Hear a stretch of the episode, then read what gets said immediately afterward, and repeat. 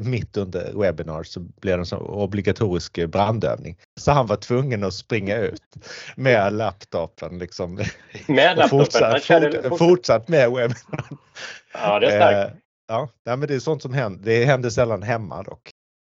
Ja, men om jag ska kontra med en lika, lika sån historia så hade jag ett möte med en företagsledningsgrupp och höll en dragning och så här. Så knackar det på dörren, alltså in till mitt arbetsrum som är hemma då.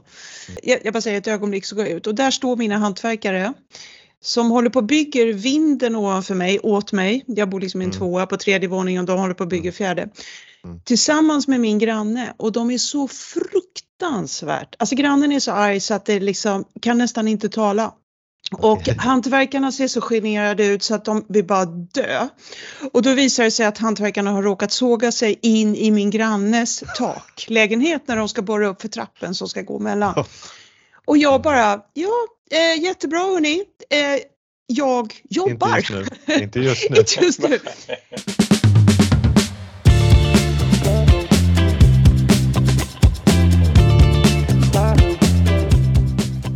Välkommen till Digitalt samarbete-podden med mig, Oskar Berg och Henrik Gustafsson. Vi är tillbaka efter julledigheten med nya poddsamtal på teman som kretsar kring samarbete. Och i detta avsnitt så har vi äran att ha med oss ingen mindre än Siri Vikander. Vi hade massor roligt och intressant att prata om. Hade inte Teams censurerat vissa partier genom att inte spela in ljudet så hade det här poddavsnittet varit ännu längre än det blev till slut. Återigen, välkommen!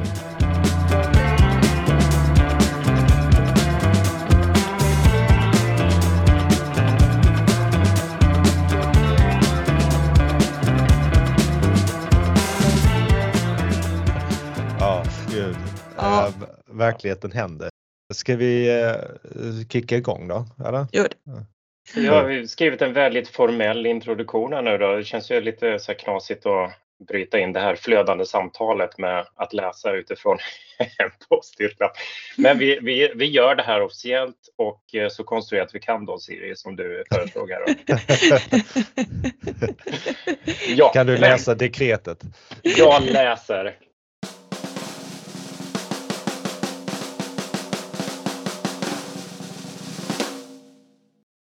En person som verkligen varit en synlig och aktiv del i debatten är Siri Vikander. Hennes inlägg och ståndpunkter bygger på fakta och erfarenhet snarare än åsikter, vilket är något som imponerat på mig och Oskar. Så idag är vi mycket glada att hälsa Siri välkommen till vår podd. Tack så mycket, vad fint att vara här. Du har ju ett omfattande CV och många järn i elden. Hur brukar du Siri presentera dig för andra? jag ska göra ett försök. Jag har numera två ben. Eh, jag har ett ben som är lite mer utåtriktat där jag är föreläsare och moderator, krönikör i tidningen Chef. Eh, jag eh, driver också min egen podd och mitt eget nyhetsbrev som heter Beyond Work. Och jag deltar liksom aktivt i debatten om framtidens arbetsliv. Och det har jag gjort i massor med år, långt innan den här distansdebatten drog igång. Men sen har jag ett lite mer eh, hemligt kan man säga. Eller eh, alltså jag är lite mer operativ. Jag har en, två, tre kunder som jag jobbar hos några dagar i veckan. Och då är det ofta i någon form av förändringsprojekt, någonting som behöver göras. Eh, och eh, det är ofta tvärfunktionellt, så det är ofta HR, kommunikation och teknik. Jag är en sorts översättare eller som en mm. projektledare som jag jobbar mycket med nu sa, du är som en fixer. Du ser till att få beslut, du mm. översätter så alla förstår.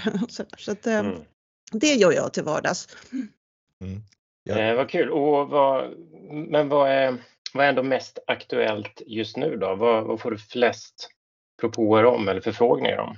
Om man tänker under 2022 så var det otroligt mycket kring lärande och bygga en lärande organisation eh, och en lärande kultur, en öppen kultur. Och det kommer förstås att fortsätta nu under 2023. Men jag tänker att jag tycker att det finns en ökad insikt om att ska vi lyckas med det här så måste vi jobba tvärfunktionellt. Mm.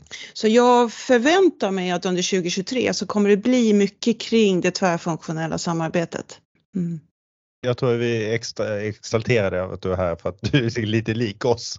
Jag tänker det praktiker, tänker, thinker, doer, liksom, som du verkligen är. Att, eh, att du inte bara föreläser om moderat och, och sådär utan du har de här praktiska erfarenheterna att jobba, liksom ha fingrarna i syltburken kanske man inte ska säga, men liksom eh, smuts under naglarna. Det är vi verkligen glada för att vi kanske kan komma in på lite. Och jag, jag har ju en bakgrund som chef eh, inom HR och kommunikation och som projektledare på Axfood. Där fick jag min professionella skolning och sen jobbade jag på mm. Hemfrid och Scandic. Och sen startade jag eget då för tre år sedan snart. Och det här var mitt löfte till mig själv. Jag ska inte bli en föreläsare som står på scen och som inte har liksom någon kontakt med verkligheten. Mm. Och jag är så glad för det beslutet. Dels får jag ett väldigt roligt arbetsliv och jag får ju lära mig massa saker. Men det är ju det att det går så himla fort nu. Jag mm. hade, det, alltså man tappar ju kontakten med verkligheten om man inte är ute och jobbar operativt. Och det vi är i nu är hur ska vi klara av verksamheten i centrum, kunderna i centrum, medarbetarna i centrum. Mm. Men hur ska vi lösa ut den här uppgiften när vi blir mer platsoberoende och jobbar mer digitalt? Hur ja. är vi närvarande då? För jag kan förstå att man är liksom som VD eller liksom, eh, ledare, man går genom ett helt tomt fysiskt kontor och tänker hur, vad är mm. alla? Ja. De jobbar någon helt annanstans i en mm. annan miljö som jag inte förstår. Kanske det du är inne på eh, till stor del då att man lever i lite parallella verkligheter just nu. Mm. Där de, den ena gruppen verkligen fått lösa problem praktiskt Eh, om vi tar pandemin som en katalysator då, från dag ett för att få saker och ting att snurra medan ledningen till viss del kanske kunnat jobba på på, eh, på liknande sätt. Och, och, och, det är väl det som vi ser också nu i, i de här besluten och krockarna med eh, ledningar som tvingar tillbaka medarbetare till kontoret och att man egentligen pratar förbi varandra i den här pågående debatten. Ja, för det, jag tror att hela den här situationen då som på vissa arbetsplatser är ny eh, och som kom liksom genom, i, i och med pandemin då. Vi ska bara komma ihåg att det är massor med organisationer som har jobbat så här. Eh, eller hur? Alltså, så många år. Man pratar liksom med amerika när jag pratar med chefer i amerikanska bolag och så, de är ju så vana att jobba globalt distribuerat. Ja. Så, så att det här är väldigt mycket en svensk debatt och ibland kan jag tycka att det är en ankdammsdebatt faktiskt. Men ja den, den verkar engagera så alltså är det någonting vi behöver prata om ett tag till. Men jag tror eh, att det blir en kontrollförlust eh, för ledningen. Och de reagerar på den kontrollförlusten genom att gå tillbaka till någonting som är välbekant för dem. Det vill säga, vi är på kontoret för då ser jag att folk jobbar. Då, då kan jag gå genom kontoret och, och liksom behålla min status mm. eh, med mina kläder och hur jag rör mig. För när vi träffas digitalt, då är allas rutor lika stora. Ja. Då blir det mycket mer demokratiskt. Och är man då skolad i och kommer från det här ledarskapet som är mer det vi som bestämmer det är vi som, som är de som delar ut liksom, eh, order är väl ett dumt ord, men instruktioner och så. Eh, då blir det här nya sättet väldigt utmanande. Mm, det är absolut. Och, eh, det har vi ju hört liksom i olika sammanhang att man tagit upp just det hur mötet är så det fysiska mötet och ett möte generellt är ju ett maktforum eller ett forum för att etablera makt eh, och Eh, när det försvann under pandemin eller det förändrades, att det inte var fysiskt längre, då blev det ju liksom en eh, ett vakuum, eh, ett, ett, liksom man famlar och det, och det är lite grann, i alla fall min förklaring till att varför det blev så mycket videomöten. För att om, om att återgå till de här organisationerna som har jobbat digitalt tidigare och distribuerat, de satt inte i videomöten och sitter inte i videomöten hela dagarna, utan det var på något sätt att försöka komma närmare det som man var bekant med och där det ändå var fanns att ja, man kanske satt i sitt eh, sovrum som chef eh, men man är ändå synlig och eh, kunde ta ton och, och liksom ta lite plats i mötet. Jag tycker det är förvånande att vi inte ser fler medaljer och badges liksom på eh, vissa personer i de här mötena och inramade rutor med guldramar och så vidare. Men det kanske är att den digitala kunskapen inte är lika stor hos eh, vissa chefer. Ett väldigt, väldigt långt bord. Eh, ja. där man, eh, det, det, är istället för gallery view så har man det här att chefen sitter ena och så sitter alla andra väldigt långt bort, miniatyr. Ja, mm. skämt åsido. Eh, Nej, men det är så många, många aspekter det här. Jag bara tänker, dels handlar det om liksom det praktiska som vi är inne på. Liksom hur är det att jobba digitalt? Hur måste vi jobba för att lösa problem tillsammans eh, i distribuerarorganisationer? Jag tror alla organisationer nu är på en resa från det toppstyrda långsamma, instruktiva till medarbetardrivet, innovativt, där vi utgår från behoven för, liksom, hos medarbetare, chefer, de vi finns till för, kunder och brukare och så. Mm. Och eh, jag, jag tycker, eh, ibland brukar jag citera Michael Treskov som satt i Ericssons styrelserum. Han sa ju någon gång att jag menar, den nya mobiltelefonen den uppfinns inte i styrelserummet. Nej. Den uppfinns i, alldeles i kontakt med de som jobbar tillsammans med de som ska använda mobiltelefonerna såklart. Va? Det är där mm. innovationen är. Och den här innovationen vill ju organisationer ha idag. Och då behöver man ju liksom trycka ner mandatet och det blir den här kontrollförlusten. Det kräver ett annat ledarskap, det kräver andra arbetsverktyg och så. Mm. Så att ledningen vill ha det här, men de vet inte hur de ska hantera det och då blir den här liksom, nej, nu bestämmer vi att alla ska vara på kontoret för det verkar, det har vi klarat, det gjorde vi förut och det känns tryggt. Liksom. Mm. Kopplar de ihop de här sakerna? Ja, är, är bara, alltså det här, eller liksom ser de inte sambandet? Nej, de, Nej, men det gör de inte. De ser inte sambandet, tror jag. Så det tror jag vi behöver liksom prata om, om och om igen, det här sambandet. Om man gör en medarbetarundersökning, eh, det här gjorde vi när jag jobbade på Scandic, då gjorde vi en medarbetarundersökning. Eh, eller vi gjorde det liksom årligen och då såg vi 2015 att medarbetarna upplevde att de inte hade mandat att ta egna beslut och sådär. Och eh, att det var väldigt liksom toppstyrt. Eh, och att det var då vi liksom började den här resan mot att liksom eh, få lämna över mer och mer mandat till medarbetarna. Och vi kunde ju se sen att kundupplevelsen blev ju bättre och bättre parallellt med att liksom medarbetarna upplevde att de fick mer mandat. Mm. Och det här eh, Ja, det var första gången jag var med om att mäta, vi hade hjälp av Kantar Sifo, Sifo mm. och Mm. Katarina Önell med att liksom samköra de här data eh, från kundsidan och liksom medarbetarsidan. Eh, och det tror jag, det här är ett väldigt bra sätt att jobba med data för när man, då kan man också förklara för en ledning, titta så här hänger det ihop va? hos ja. oss. Precis, det är inte bara någon som säger det här borta, någon expert eller någon forskare. Kolla hos oss så blir det så här när vi gör det. Ja. Mm. Det blir den tredje liksom, domaren som i en, en argumentation som kan komma och liksom, eh, visa vad, vad, vad är det mest sanning i, vilken, vilkens, vems argument är det mest, mest sanning i. Liksom.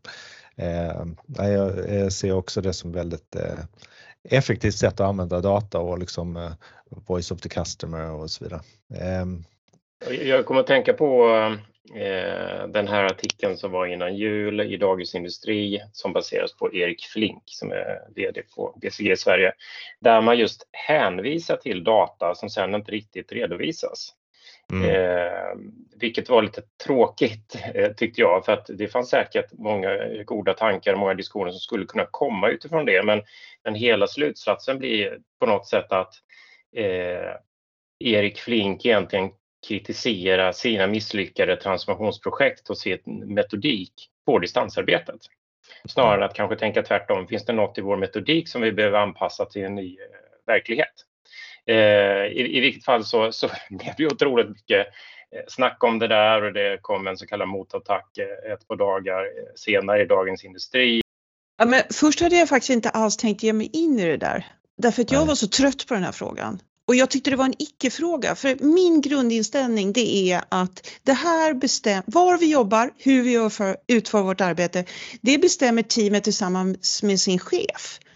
Det är ingenting som toppstyrs någonstans utan det är, det är så vi utvecklar våra arbetssätt kontinuerligt och det vet teamet och chefen bäst. Va? Och där kan man göra individuella anpassningar man anpassar över tid, eh, lite beroende på vad man jobbar just nu eh, med och sådär, vilket fokus man har. Men Alltså det var ju en krigsrubrik den första som var ja, Vi verkligen. ser ett förfall. Ja. Eh, och, och också då, nu är inte Erik Flink här och kan liksom förklara sig och ge sitt perspektiv, men det, det, alltså BCG är ju också en av de mest utskällda managementkonsulter vi har i Sverige och det här är ju väl mm. dokumenterat i den här boken Konsulterna. Ja. Där man ser att det är väldigt mycket av det gamla tänket. Eh, så att det gjorde, och sen när det, man började förstå det här, att det här var mer av en PR-kupp eh, och för att det fanns inte data som fanns att tillgå. Nej. Och den datan som de hänvisade till eh, och Erik hänvisade till var ju, alltså, var ju gjord under pandemin, eh, under ett krig i Europa med inflation, med liksom energikris. Alltså det en fanns pågående kris. Ja, pågående kris. Det fanns ju ingen normalitet i det. Så att, och det, men om, när jag har pratat med Kantar Sifo och Nyckeltalsinstitutet och så, det finns utmaningar med digitalt samarbete. Men där finns det ju data. Så låt oss titta på den och låt oss titta på våra egna organisationers data och se ah, vad passar hos oss, vad behöver vi lära oss? För grejen är ju den att vi har haft fysiska kontor sedan ja, mitten av 1700-talet, så 250 år sedan. Och, och sen har vi haft digitala samarbetsverktyg på bred front i 15 år. Um, det beror lite på vad man räknar från, men uh, då har vi förstås massor att lära oss. Så låt oss fokusera på det istället för att ta varsin skyttegrav. Och det var liksom det här jag kände, nej men nu måste jag, men jag kunde inte hålla mig till slut, så nu skriver jag den här krönikan. Och den engagerar ju väldigt mycket den här frågan och jag tror att det är, folk älskar konflikt. Det, blir, det drar klick, så är det. Och om man då när det blir så svartvitt, då blir det tydligt och då kan man ta ställning och så här. Och om man ska tolka det positivt så är det att när vi pratar om saker, då lär vi oss saker. Mm. Då får vi chans att liksom nyansera och så där. Så det, i grunden är det en bra sak att vi pratar om det. Ja, de här åsikterna och, och det här resonemanget finns ju ändå, men de kanske sker mer dolt. Ehm, jag mm. tänkte, jag blev ju också väldigt upp, jag blev upprörd över det här och inte så mycket över vad han sa eller vi har hört de här sakerna innan, utan hur precis det du pekar på, det här med att man hänvisar till data och massa underlag och sen kan man inte visa det och jag var ju också besviken på Boston Consulting Group för de har ju, gör ju ganska bra undersökningar och rapporter i andra sammanhang mm. och även kring detta område där de har en helt diametralt annan, eh, liksom, andra slutsatser. Så att eh, det var, det var mer det att det här fick så mycket utrymme eh, utan att det var underbyggt och eh, alltså med, med något öppet. Jag menar det här, det var, fanns kvalitativa intervjuer sa de men, men ja, de kan de inte visa för det är, det är liksom hemligt. Ja, men kan man inte aggregera de här insikterna och avköna det här? Jo, det är klart man kan. Det är så mm. man gör. Ja. Eh, så, så, att eh, det är sånt som upprörde mig mer än åsikten. Liksom. Och, och, och, jag tycker alltid när man tittar på data så behöver man titta på avsändaren. Om man tittar på Microsofts undersökningar, det är klart att de har en underliggande agenda att vi ska mm. jobba digitalt. Så man får titta på det med de ögonen. Tittar man på BCGs data så får man titta på vad vill de? Jo, men de vill sälja konsulttimmar och sina ja. konsultprodukter. Och det är därför det är så bra att gå till de här, Kantar Sifo, Nyckeltalsinstitutet, alltså de här mm. som har World Economic Forum, de här som har liksom med, de har ingen egen agenda. Det är inget de ska sälja. De säljer data kan man säga och den ja. datan behöver ju då ha så hög kvalitet som möjligt. Ja. Jag tycker också det är intressant att lyssna på de som är eh, organisationer som är distribuerade som som inte liksom har sin affärsidé de säljer inte någonting distribuerat. Alltså eh, och, och lära av dem. För då, är, då är man liksom, det är också mer att vi vill bara dela med oss av hur vi jobbar. Eh, och, och, det tycker jag är, det är inte så mycket fakta på det sättet eller det är inget kvantitativt men det är ändå, det är ändå empiriskt eller man säger så, det är verklig erfarenhet eh, kring det här. Eh, som då talar för en, liksom, eh, kanske kan tala för att de här påståendena som, inte, eh, som kommer ut inte alltid är så väl underbyggda. Och jag tror vi måste ju mäta liksom kontinuerligt därför att det är, finns inga, liksom egentligen finns det inga riktiga sanningar längre utan man, man får så, så, eftersom vi är på en utvecklingsresa, vi håller på att lära oss, utvecklingen går snabbare och snabbare, det blir mer liksom komplext allting som vi håller på med. Ja, men då, då är det så mycket lärande hela tiden så att det finns liksom inte, det är inte så här och så här utan nej, men mm. nu testar vi att jobba så här ett tag och se vad får, vad, hur funkar det? Mm. Mm. Ja, men alltså, det är klart att man, eh, det är lätt att bli problemorienterad och se svårighet och så vidare, men, men det finns ju sådana enorma möjligheter kopplade till det här med att jobba mer digitalt. Vi har ju tagit upp i podden här innan allt från ja, som vi var inne på här nu också, med liksom ett ökat medarbetarengagemang, minskad klimatpåverkan, bättre kompetensförsörjning, bli mer responsiv som organisation. Det finns ju massor med eh, enorma möjligheter som också eh, kan kopplas ganska väl mot de stora utmaningar som vi möter just nu. Då. Men det kommer inte riktigt fram. Du pratar mycket om lärande, eh, Siri, och det är ju såklart vägen framåt. Eh, att våga eh, testa nytt, ta risker, att hjälpa varandra framåt och så vidare. Men vad, när du pratar om lärande, vad är det du fokuserar på då? Vad är det liksom som är viktigt för att kunna göra det här på rätt sätt? Ja, men jag, jag, får ofta den frågan därför att den kommer så här, och vi vill bygga en lärandekultur, men hur gör vi? Och jag förstår det, för den frågan är ganska komplex. Eh, och den, den, den kräver att man jobbar, att alla är med och bidrar och att man jobbar på flera nivåer. Och då brukar jag prata om att en av de viktigaste grejerna är att man först har en väldigt tydlig berättelse om det framtida läget, hur man ska komma dit och att alla ledare får får lära sig och får ta till sig den där historien och själva bestämmer sig för att hur ska jag berätta den här för mitt team och för de jag träffar och de jag samarbetar med. Eh, så det, det tror jag liksom, det är den där berättelsen om det framtida läget och att många berättar den historien. Och sen är det det där att jobba med olika insatser som, som gör att vi snabbar på utvecklingen från det där toppstyrda, långsamma, låsta kulturerna till det öppna, medarbetarkraftfulla, innovativa, liksom, roliga läget. Mm. Och då mm. behöver man jobba på massor med nivåer. Och det här är lite variationer i olika organisationer. För, så man behöver titta på liksom, medarbetardata och kunddata och se vad är vår utmaning? Och det kan vara det där med visa riktning eller det kan vara någonting kring återkoppling eller det är någonting kring samarbete. Men att man då identifierar, okej okay, bra, den här utmaningen har just vi. Och då behöver vi under ett års tid jobba med att öka återkopplingen till exempel eller psykologisk trygghet. Då gör man flera, flera olika insatser och de kan vara allt möjligt. Men det är det mm. där att vi använder, att vi använder vår hjärnas förmåga att fokusera på en sak. För när vi fokuserar på en sak, då lär vi oss massor med saker, vi pratar om det, vi rör oss dit. Ni vet det här som, ni vet när man, när man liksom eh, ska få barn så ser man ju barnvagnar överallt eller om man ska köpa ja, bil så ser man bilar överallt. Det är precis den här förmågan. Jaha, i den här organisationen så ska vi bygga psykologisk trygghet. Jaha, mm. då börjar man liksom tänka kring det.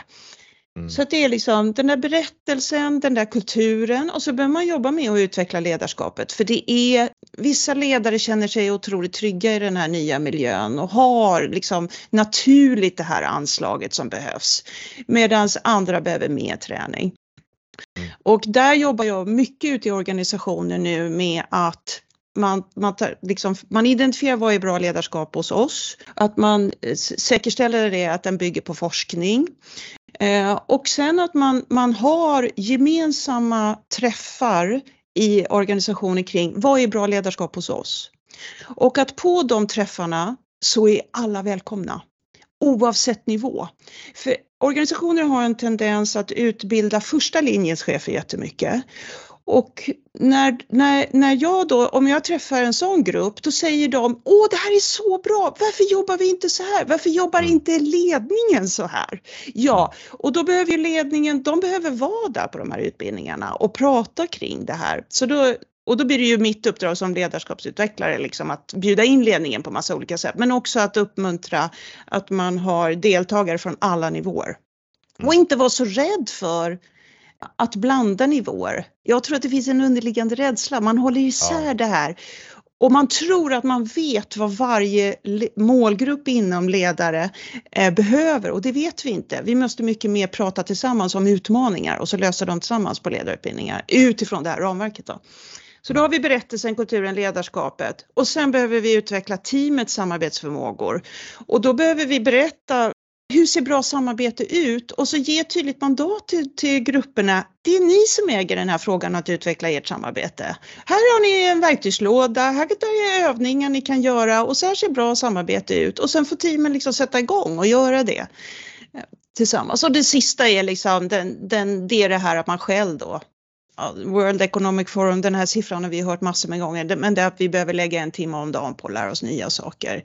Mm. Alltså ibland känner nästan i åtta timmar om dagen. Att det enda jag gör är att lära mig nya saker, liksom, mm. teknik och ja och så här. Ja men så det är de fem nivåerna brukar jag prata om. Jag ser, jag ser, en linje i det här, liksom, om man, just kring, alltså det är mycket mindset och inställning till det här med lärande och hur öppen man är för det här. Liksom. Ska man lära sig någonting måste man naturligtvis vara öppen för, för intryck och för ny information och för att ifrågasätta saker. Men också då andra måste vara öppna så att de delar med sig av information och så vidare. Eh, för det har ju vi sett att när vi liksom jobbar med samarbete och så är det här öppenheten så viktig princip. För är man inte öppen och delar med sig, öppen och delar med sig av information och så vidare, då kan man inte få tag i den här informationen man behöver. Det kommer inte de här samarbetena som, som behöver komma till stånd mer liksom spontant. De kommer inte hända. Och här är ju ni två sådana förebilder för att ni så generöst delar mer av material som ni tar fram. Eh, så att, och det är ju precis Tack. så här, det här förhållningssättet behöver vi alla ha på något sätt, eh, om det kommer tillbaka som karma så, så kommer det tillbaka på något sätt så småningom om man är öppen. Och vi har ju sett det också liksom, i vissa sammanhang så fungerar det.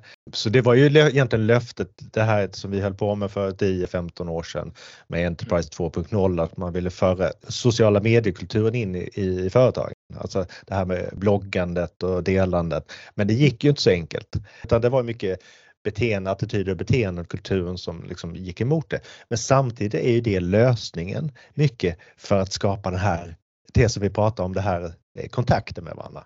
Och det här är så bra att du lyfter, för vi behöver i organisationen, och det här säger ju Kajsa Asplund som ju är forskare inom ja, ledarskap kan man säga och samarbete och så. Hon säger det att vi ska bygga på de team som fungerar. Så i en organisation så ska vi kolla vilka har bra grejer för sig. Och så ska vi ge dem resurser, vi ska hjälpa dem, vi ska skicka in eh, liksom, juniora personer dit som kan lära sig. De ska få liksom, bli uppmuntrade och få möjlighet att sprida hur de jobbar till resten av organisationen. Låt oss bygga på det som är bra. Därför mm. det är så, när det dyker upp, det, det är inte så himla lätt. Så Nej. när det dyker upp, så, wow, gud vad bra, nu, mm. nu, ge dem, här är strålkastarljuset på dem. Mm. Och då har vi ju lite jante i Sverige. Det har vi och det behöver vi liksom gå emot. Vi, mm. vi får hjälpa folk och uppmuntra alla som delar med sig av bra arbetssätt. Mm. Ja, det här med positiv negativ feedback eh, som är en annan sak som vi tar upp som en princip förutom öppenhet är ju eh, erkännande som är jätteviktigt. För ska man fortsätta vara öppen så behöver man erkänna, man behöver en klapp på axeln eller en tumme upp ja. eller någonting. Men, och där upplever jag att där sitter det hårt inne ibland att ge en tumme upp eller, och det är lättare att ge en liten syrlig kommentar. Men jag tänker att jag menar jag, jag och många som har jobbat med liksom ledarskapsutveckling och så här, vi har ju genom åren lärt ut det här, hur ska vi ge feedback och så hamburgermodeller och liksom, ja. först säger man något snällt och sen något konstruktivt och sen något snällt igen. Och det är inte så här man bygger feedbackkultur. Man bygger ju feedbackkultur genom att, precis som ni liksom lyfter här, att um, att liksom berömma varandra, liksom tacka varandra, lyfta fram varandra. För då känner vi den där djupa, det som vi alla behöver, det vill säga jag, åh, jag får tillhöra den här flocken, jag får vara mm. i den här gruppen. Och då bygger vi relationskapital, vi bygger trygghet. Så när det sen är någonting vi behöver ta, då är det bara att säga det. Nej men alltså det här blev inte så bra. Och så kan man prata om det för att man redan har en en relation, man har redan någonting bra, man är redan trygg. Liksom. Så det här mm. är bara lite liksom, finjustering här liksom, i den sista procenten. Så. Mm. Och sen då att den, den negativa feedbacken är så pass tung att den är liksom väger upp 10 positiva. Det gör ju att vi måste vara mycket mer generösa med den eh, positiva feedbacken och använda det här negativa till något väldigt, eller negativa, det som kan upplevas negativt till ja. någonting väldigt anv alltså, eh, användbart. användbart. Mm. Ja.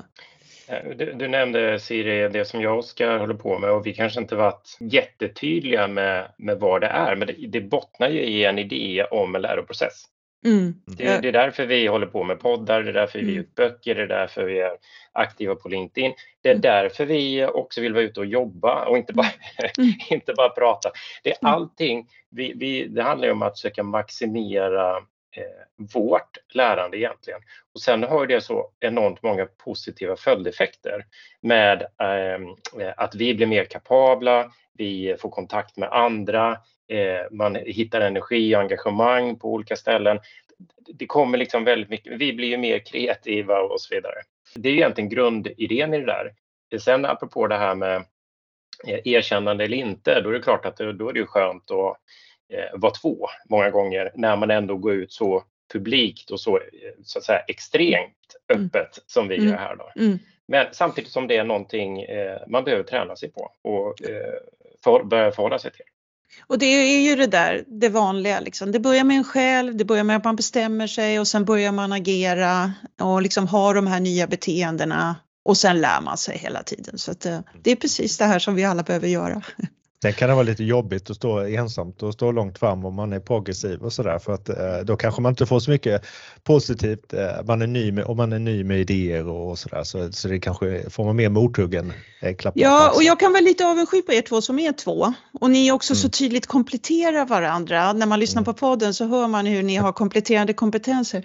Mm. Men jag, det jag har gjort, för jag kan tycka att det är lite ensamt att jobba själv, eh, men jag, det jag gör är ju att jag då har ett väldigt starkt nätverk nätverk som jag, kan liksom, som jag är väldigt, väldigt trygg med och kan gå till med frågan, men gud, nu här, hur ska jag tänka här? Hur blev det här? Alltså så att jag, att jag har det stöd jag behöver och även då när jag är ute hos mina, liksom de här som jag jobbar lite mer hos, att jag bygger upp det nätverket där. Ja, att nästan, och att min beställare är som en chef för mig, det vill säga jag får också återkoppling där. Jag får också det jag behöver, det i form av beröm och liksom återkoppling på hur ska man tänka sig. Mm. Ja. Absolut, vi har ju varandra där eh, men också kört mycket eget. Alltså, mm. liksom, vi har ju podden och bokskriven. Då får man ju en struktur som gör att vi träffas och bollar mer och, och sådär. Annars stämmer det ju in på oss också, den situation du beskriver, att man får då hitta sina kollegor också då, till och med kunder blir kollegor eller vänner jag tänker på det här just med nätverk eh, och vi sa inledningsvis eh, praktiska erfarenheter. Har du något projekt som pågår just nu som du berättar lite om där de här idéerna omsätts och, och kanske också hur det projektet kom till apropå eh, nätverk och kontakter? Nej, men jag, jag jobbar i ett jätteroligt projekt nu eh, och det är ett tvärfunktionellt projekt där vi jobbar med kompetenser från HR, ekonomi eh, och teknik Eh, och även eh, alltså data, dataanalys och så. Och det här projektet eh, är, började för, eh, alltså före sommaren. Så vi har hållit på sådär 8-9 månader nu och det började med att vi gjorde en undersökning eh, vad cheferna tyckte om de arbetsverktyg de hade. Och då visade det ju sig att de, de verktygen som handlade om att eh, alltså efter att man har gjort anställningen och skrivit på anställningskontraktet, eh, det, allting som sker sen, när man som chef då ska se till att, att de mm. får lön, får tid, får liksom sin utrustning, att de har rätt behörigheter och allt det där, passerkort och allt det där. Mm. Det var Alltså det, de tyckte att det var så dåligt. Det fungerade ja. inte i mobilen, man behövde gå in i flera olika system. Mm. Och här hade vi ju ett väldigt tydligt besked från slutanvändarna. Och så att då, då, det var jag som gjorde själva den förstudien. Och då började vi prata om vad är historiken, varför ser det ut så här och så här. Och då visade det sig att man hade gjort flera försök historiskt till att förändra det här. Men man hade inte lyckats därför att man hade jobbat tvärfunktionellt, eller inte tvärfunktionellt ja. utan verkligen i silos. Och så en framgång här var att jobba tvärfunktionellt istället. Eh, och det här är ett av de roligaste projekten jag har jobbat i. Eh, vi har det är så mycket lärande och det är så mycket, det, projektledaren är, kommer från tekniksidan och är, liksom, driver det här med ett väldigt, så här, ett väldigt lugn och ett väldigt lärande. Han tar inte ställning för någon utan alla har fått föra fram, ja, men vi på HR och vi på ekonomi och vi på teknik. Alla har fått liksom säga alla de där grejerna och det har fått vara i rummet. Men det han har säkerställt är att vi alla är i rummet, det digitala mm. rummet då, för det är väldigt mycket ja. digitala möten. Vi, är liksom, eh, vi sitter på massor med olika platser i Sverige. Och sen har vi då olika workstreams så att vi, som vi är ansvariga för och man rapporterar in. Och, men det vi också såg varför man hade misslyckats tidigare det var att, vi, att man inte hade haft beslut. Tvärfunktionella beslut. Så då ordnade vi en styrgrupp eh, med våra chefer och i samma rum och de träffar vi och så lägger vi fram, nu behöver vi beslut på det här. Så tvärfunktionell arbetsgrupp lägger fram beslutsunderlag till en tvärfunktionell styrgrupp. Oj jäklar vilken framdrift det har. Mm. Och sen på ett personligt plan så är det jättekul för mig som liksom eh, jag är ju nyfiken på teknik men jag kommer ju inte från tekniksidan. Att sitta bara och se hur man liksom, hur jobbar man smart? Jag är då också en översättare här tillbaka till liksom att visa HR, ta med folk från HR och från kommunikation. Kolla, så här kan man göra, så här kan man jobba. Liksom. Eh, så att det här arbetssättet som teknik ofta är duktigast på sprids i resten av organisationen. Så det här är mitt favoritprojekt eh, just nu. Mm. Det är ju jätteintressant med onboarding och, och det här. Vi brukar väl eh, ta upp det som ett exempel på, på där liksom organisationens förmåga att samarbeta ställs på sin spets det är ett lackmustest på organisationen och mm. ofta är den ju väldigt dålig. Alltså, ah. det är ja. förvånansvärt dålig. Och det är den därför att, och jag menar, det finns inte, jag är, det finns ingenstans som jag, och det vill jag gärna om det är någon som mm. har ett riktigt bra exempel på att, att, man har fått till det här. Men mm. det här kämpar alla med. Mm. Och det enda sättet att lösa ut det är ett tvärfunktionellt samarbete. Det är liksom ja. det. Eh, med slutanvändaren i liksom fokus. Hur blir det här för chefen? Mm. Eller medarbetaren? Ja. jag håller med. Man kan lära sig enormt mycket i det, eh, ett mm. sådant arbete. Och det, det som är så fantastiskt i det här projektet är ju att det man ser är att alla är så engagerade, alla vill ju verkligen lösa mm. ut det här. Ja, och det är mm. klart vi löser ut det då. Vi fokuserar på en sak, vi har förutsättningarna, alla är engagerade, alla är med och vi har ett bra samarbete. Mm. Mm. En ytterligare anledning till att det är ett väldigt bra projekt, det är ju att alla har en erfarenhet av att vara slutanvändare. Ja, det är verkligen så. Eh, och nu ska jag få lära mig eh, tjänstedesign. Jag ska sitta och observera chefer Mm. som anställer för att se vad kan vi lära oss av det om vi verkligen tittar på och jag skulle gissa att det kommer att handla om instruktioner och göra det enkelt. Och så. Så att, eh, Checkli men, checklistor kommer det vara. Exakt, hur gör vi det bara superenkelt och då mm. behöver ju de här instruktionerna vara tvärfunktionella också. Mm. För de har ju mm. då historiskt sett förstås varit i silos också. Ja. Oha, vem ska ta fram tvärfunktionella instruktioner? Det är jättespännande. Det är ju sånt som vi mm. står inför nu. I vems system ska det ligga? Ja, så är det också. Ska ja. det ska det ligga i Gira eller ska det ligga liksom i en chefsportal eller både och kanske? Ja, ja. Mm. Jag tänker lite på min egen resa som konsult där att eh, mer i början så försökte jag vara eh, den jättesmarta som kom på, med de, eh, kom på de allra fiffigaste lösningarna själv och sen så försökte man på något sätt lobba in det här hos uppdragsgivaren eller kunden. Då. Sen under årens lopp så har jag lärt mig, och det är, det är väldigt mycket i den metodik som du och jag eh, jobbar efter Oskar, att vi gör det här tillsammans med våra uppdragsgivare. Vi plockar in de som verkligen kan verksamheten från de här olika enheterna och, staberna och, och, så att man sätter sig, om inte fysiskt så virtuellt, i samma arbetsmöten och jobba tillsammans och vi visualiserar saker. Alla får vara med. Alla får vara med och rösta och bestämma och, och, och ta med oss de här teknikerna från eh, designtänkande då till exempel som gör att samarbeten blir produktiva på oerhört kort tid. Och den kraften är fantastisk och det brukar ofta komma mycket energi och engagemang i det här så att när det här eh, väl ska börja införas då har man redan 15-20 ambassadörer i verkligheten som brinner för det här och vill hjälpa till och se att, att det blir någonting på riktigt. Då.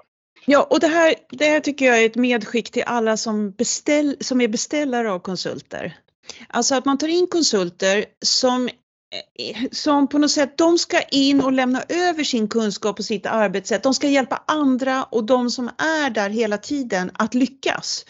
Så, som konsult kan man ju liksom göra sig, man kan ju ha en agenda av att göra sig oumbärlig så man ska fortsätta debitera timmar i all evinnerlighet. Men det är mycket bättre att göra så som ni lyfter nu, att man liksom fokuserar på att hjälpa andra att lyckas och liksom, när, så ska vi ha nästan en inställning att när kan jag dra? Mm.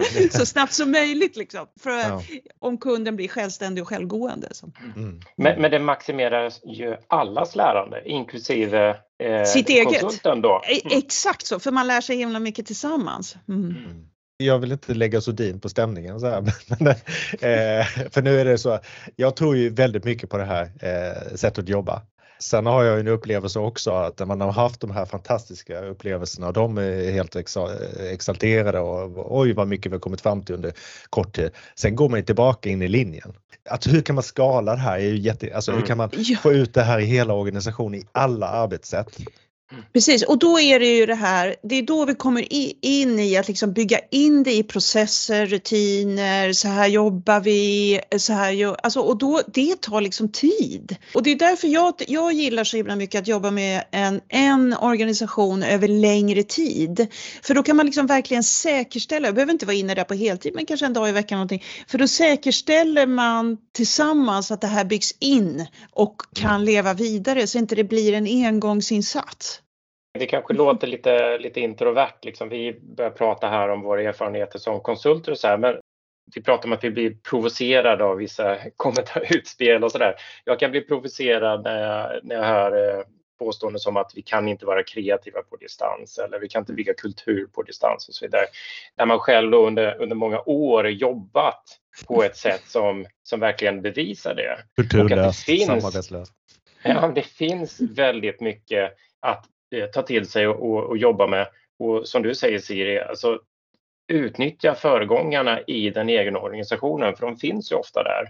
Lyft fram dem, satsa på dem och eh, ta hjälp av dem i det interna förändringsarbetet. För det går. Det är klart vi kan vara kreativa digitalt. Alltså det där är så dumt så jag vet inte vad. Eh, alltså bara det, titta bara på det här samtalet som vi spelar in nu. Eh, vi har aldrig träffats fysiskt. Det här är liksom första gången vi har ett samtal eh, så här och vi spelar in det på distans. Vi sitter på tre olika platser. Det är klart att det blir, det är klart vi kan tänka tillsammans och bestämma saker tillsammans och vara kreativa tillsammans. Det handlar ju inte om vi, det. Och dessutom har vi ju träffats lite asynkront eller osamtidigt innan. Alltså vi ja. har ju bollat lite frågor och, och, och saker att ta upp och, och liksom tankar som vi har med oss. Eh, ja. Som vi kan fortsätta med om vi vill. Nej, men, eh, ni tog initiativ till att liksom, vi skulle förbereda oss tillsammans på en miråtavla. Jättebra, där har ju vi legat och tänkt. Liksom, man har liksom lagt in olika frågor till varandra och småsnackat. Vilket gjorde att när, igår kväll när jag skulle liksom, tänka till, ja, vad är det för budskap, vad är det vi borde, vad är det som är viktigt att få fram just nu? Kunde gå in där och tänka, ja just det.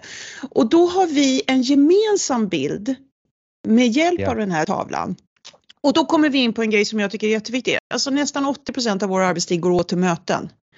Och de här mötena är väldigt, väldigt ofta inte förberedda. Nej. Men när vi lägger tid på att förbereda möten och kommer förberedda, då blir det mycket högre kvalitet, mötena kan vara mycket kortare och vi frigör tid i våra kalendrar som gör att vi kan reflektera och lära oss saker. Och då får vi bättre framdrift än att man liksom rusar från möte till möte helt oförberedd. Ah, det är liksom bara, oh, och så nästan nästa. Och så är problemlösningen är, vi tar ett möte om det. Det borde ju vara ja. förbjudet. Vi samarbetar om det i en chatt på Teams. Det ja. är så vi gör va? Ja. Det är samarbetet mellan mötena som borgar för effektiva, produktiva möten. Exakt så. så. Ja, jag känner att det här samtalet kan ju fortsätta. Så är det ju. Vi är det kommer det göra. glada. Ja, låt oss fortsätta. Ja, och Digitalt vi gör, ju, ja, vi gör ju det på andra sätt än i podden på LinkedIn och, och så vidare. Så att samtalet fortsätter. Kan man ja. säga. Så tack så hemskt mycket för den här, eh, vad säger man eh, när det är tre? Det säger man inte one on one. Säger man Nej. Eh, two on one Trepartssamtal säger vi på svenska. Trepartssamtal, ja just det, det var det. ja, men tack så hemskt mycket för att du ville eh, vara med oss idag. Jättekul att ha dig här. Ja, men tack för att jag fick vara med och tack för det arbete ni gör och för den här podden och boken ni skriver. Och jag rekommenderar verkligen alla att gå in och följa er på LinkedIn för det finns mycket att lära där. Så verkligen, stort tack! Ja, detsamma. Vi vill ju naturligtvis att så många som möjligt ska läsa dina vettiga tankar och faktabyggda åsikter som du delar med dig av i olika kanaler. Nej, men det är jätteroligt om det är någon som vill följa mig på LinkedIn eller prenumerera på mitt nyhetsbrev för det jag vill ha dialog för det är så som det är så vi lär oss när vi pratar med varandra. Mm. Bra, tack så, tack så mycket. Mm, vi tack. hörs och ses. Ja, det gör vi. Tack. tack.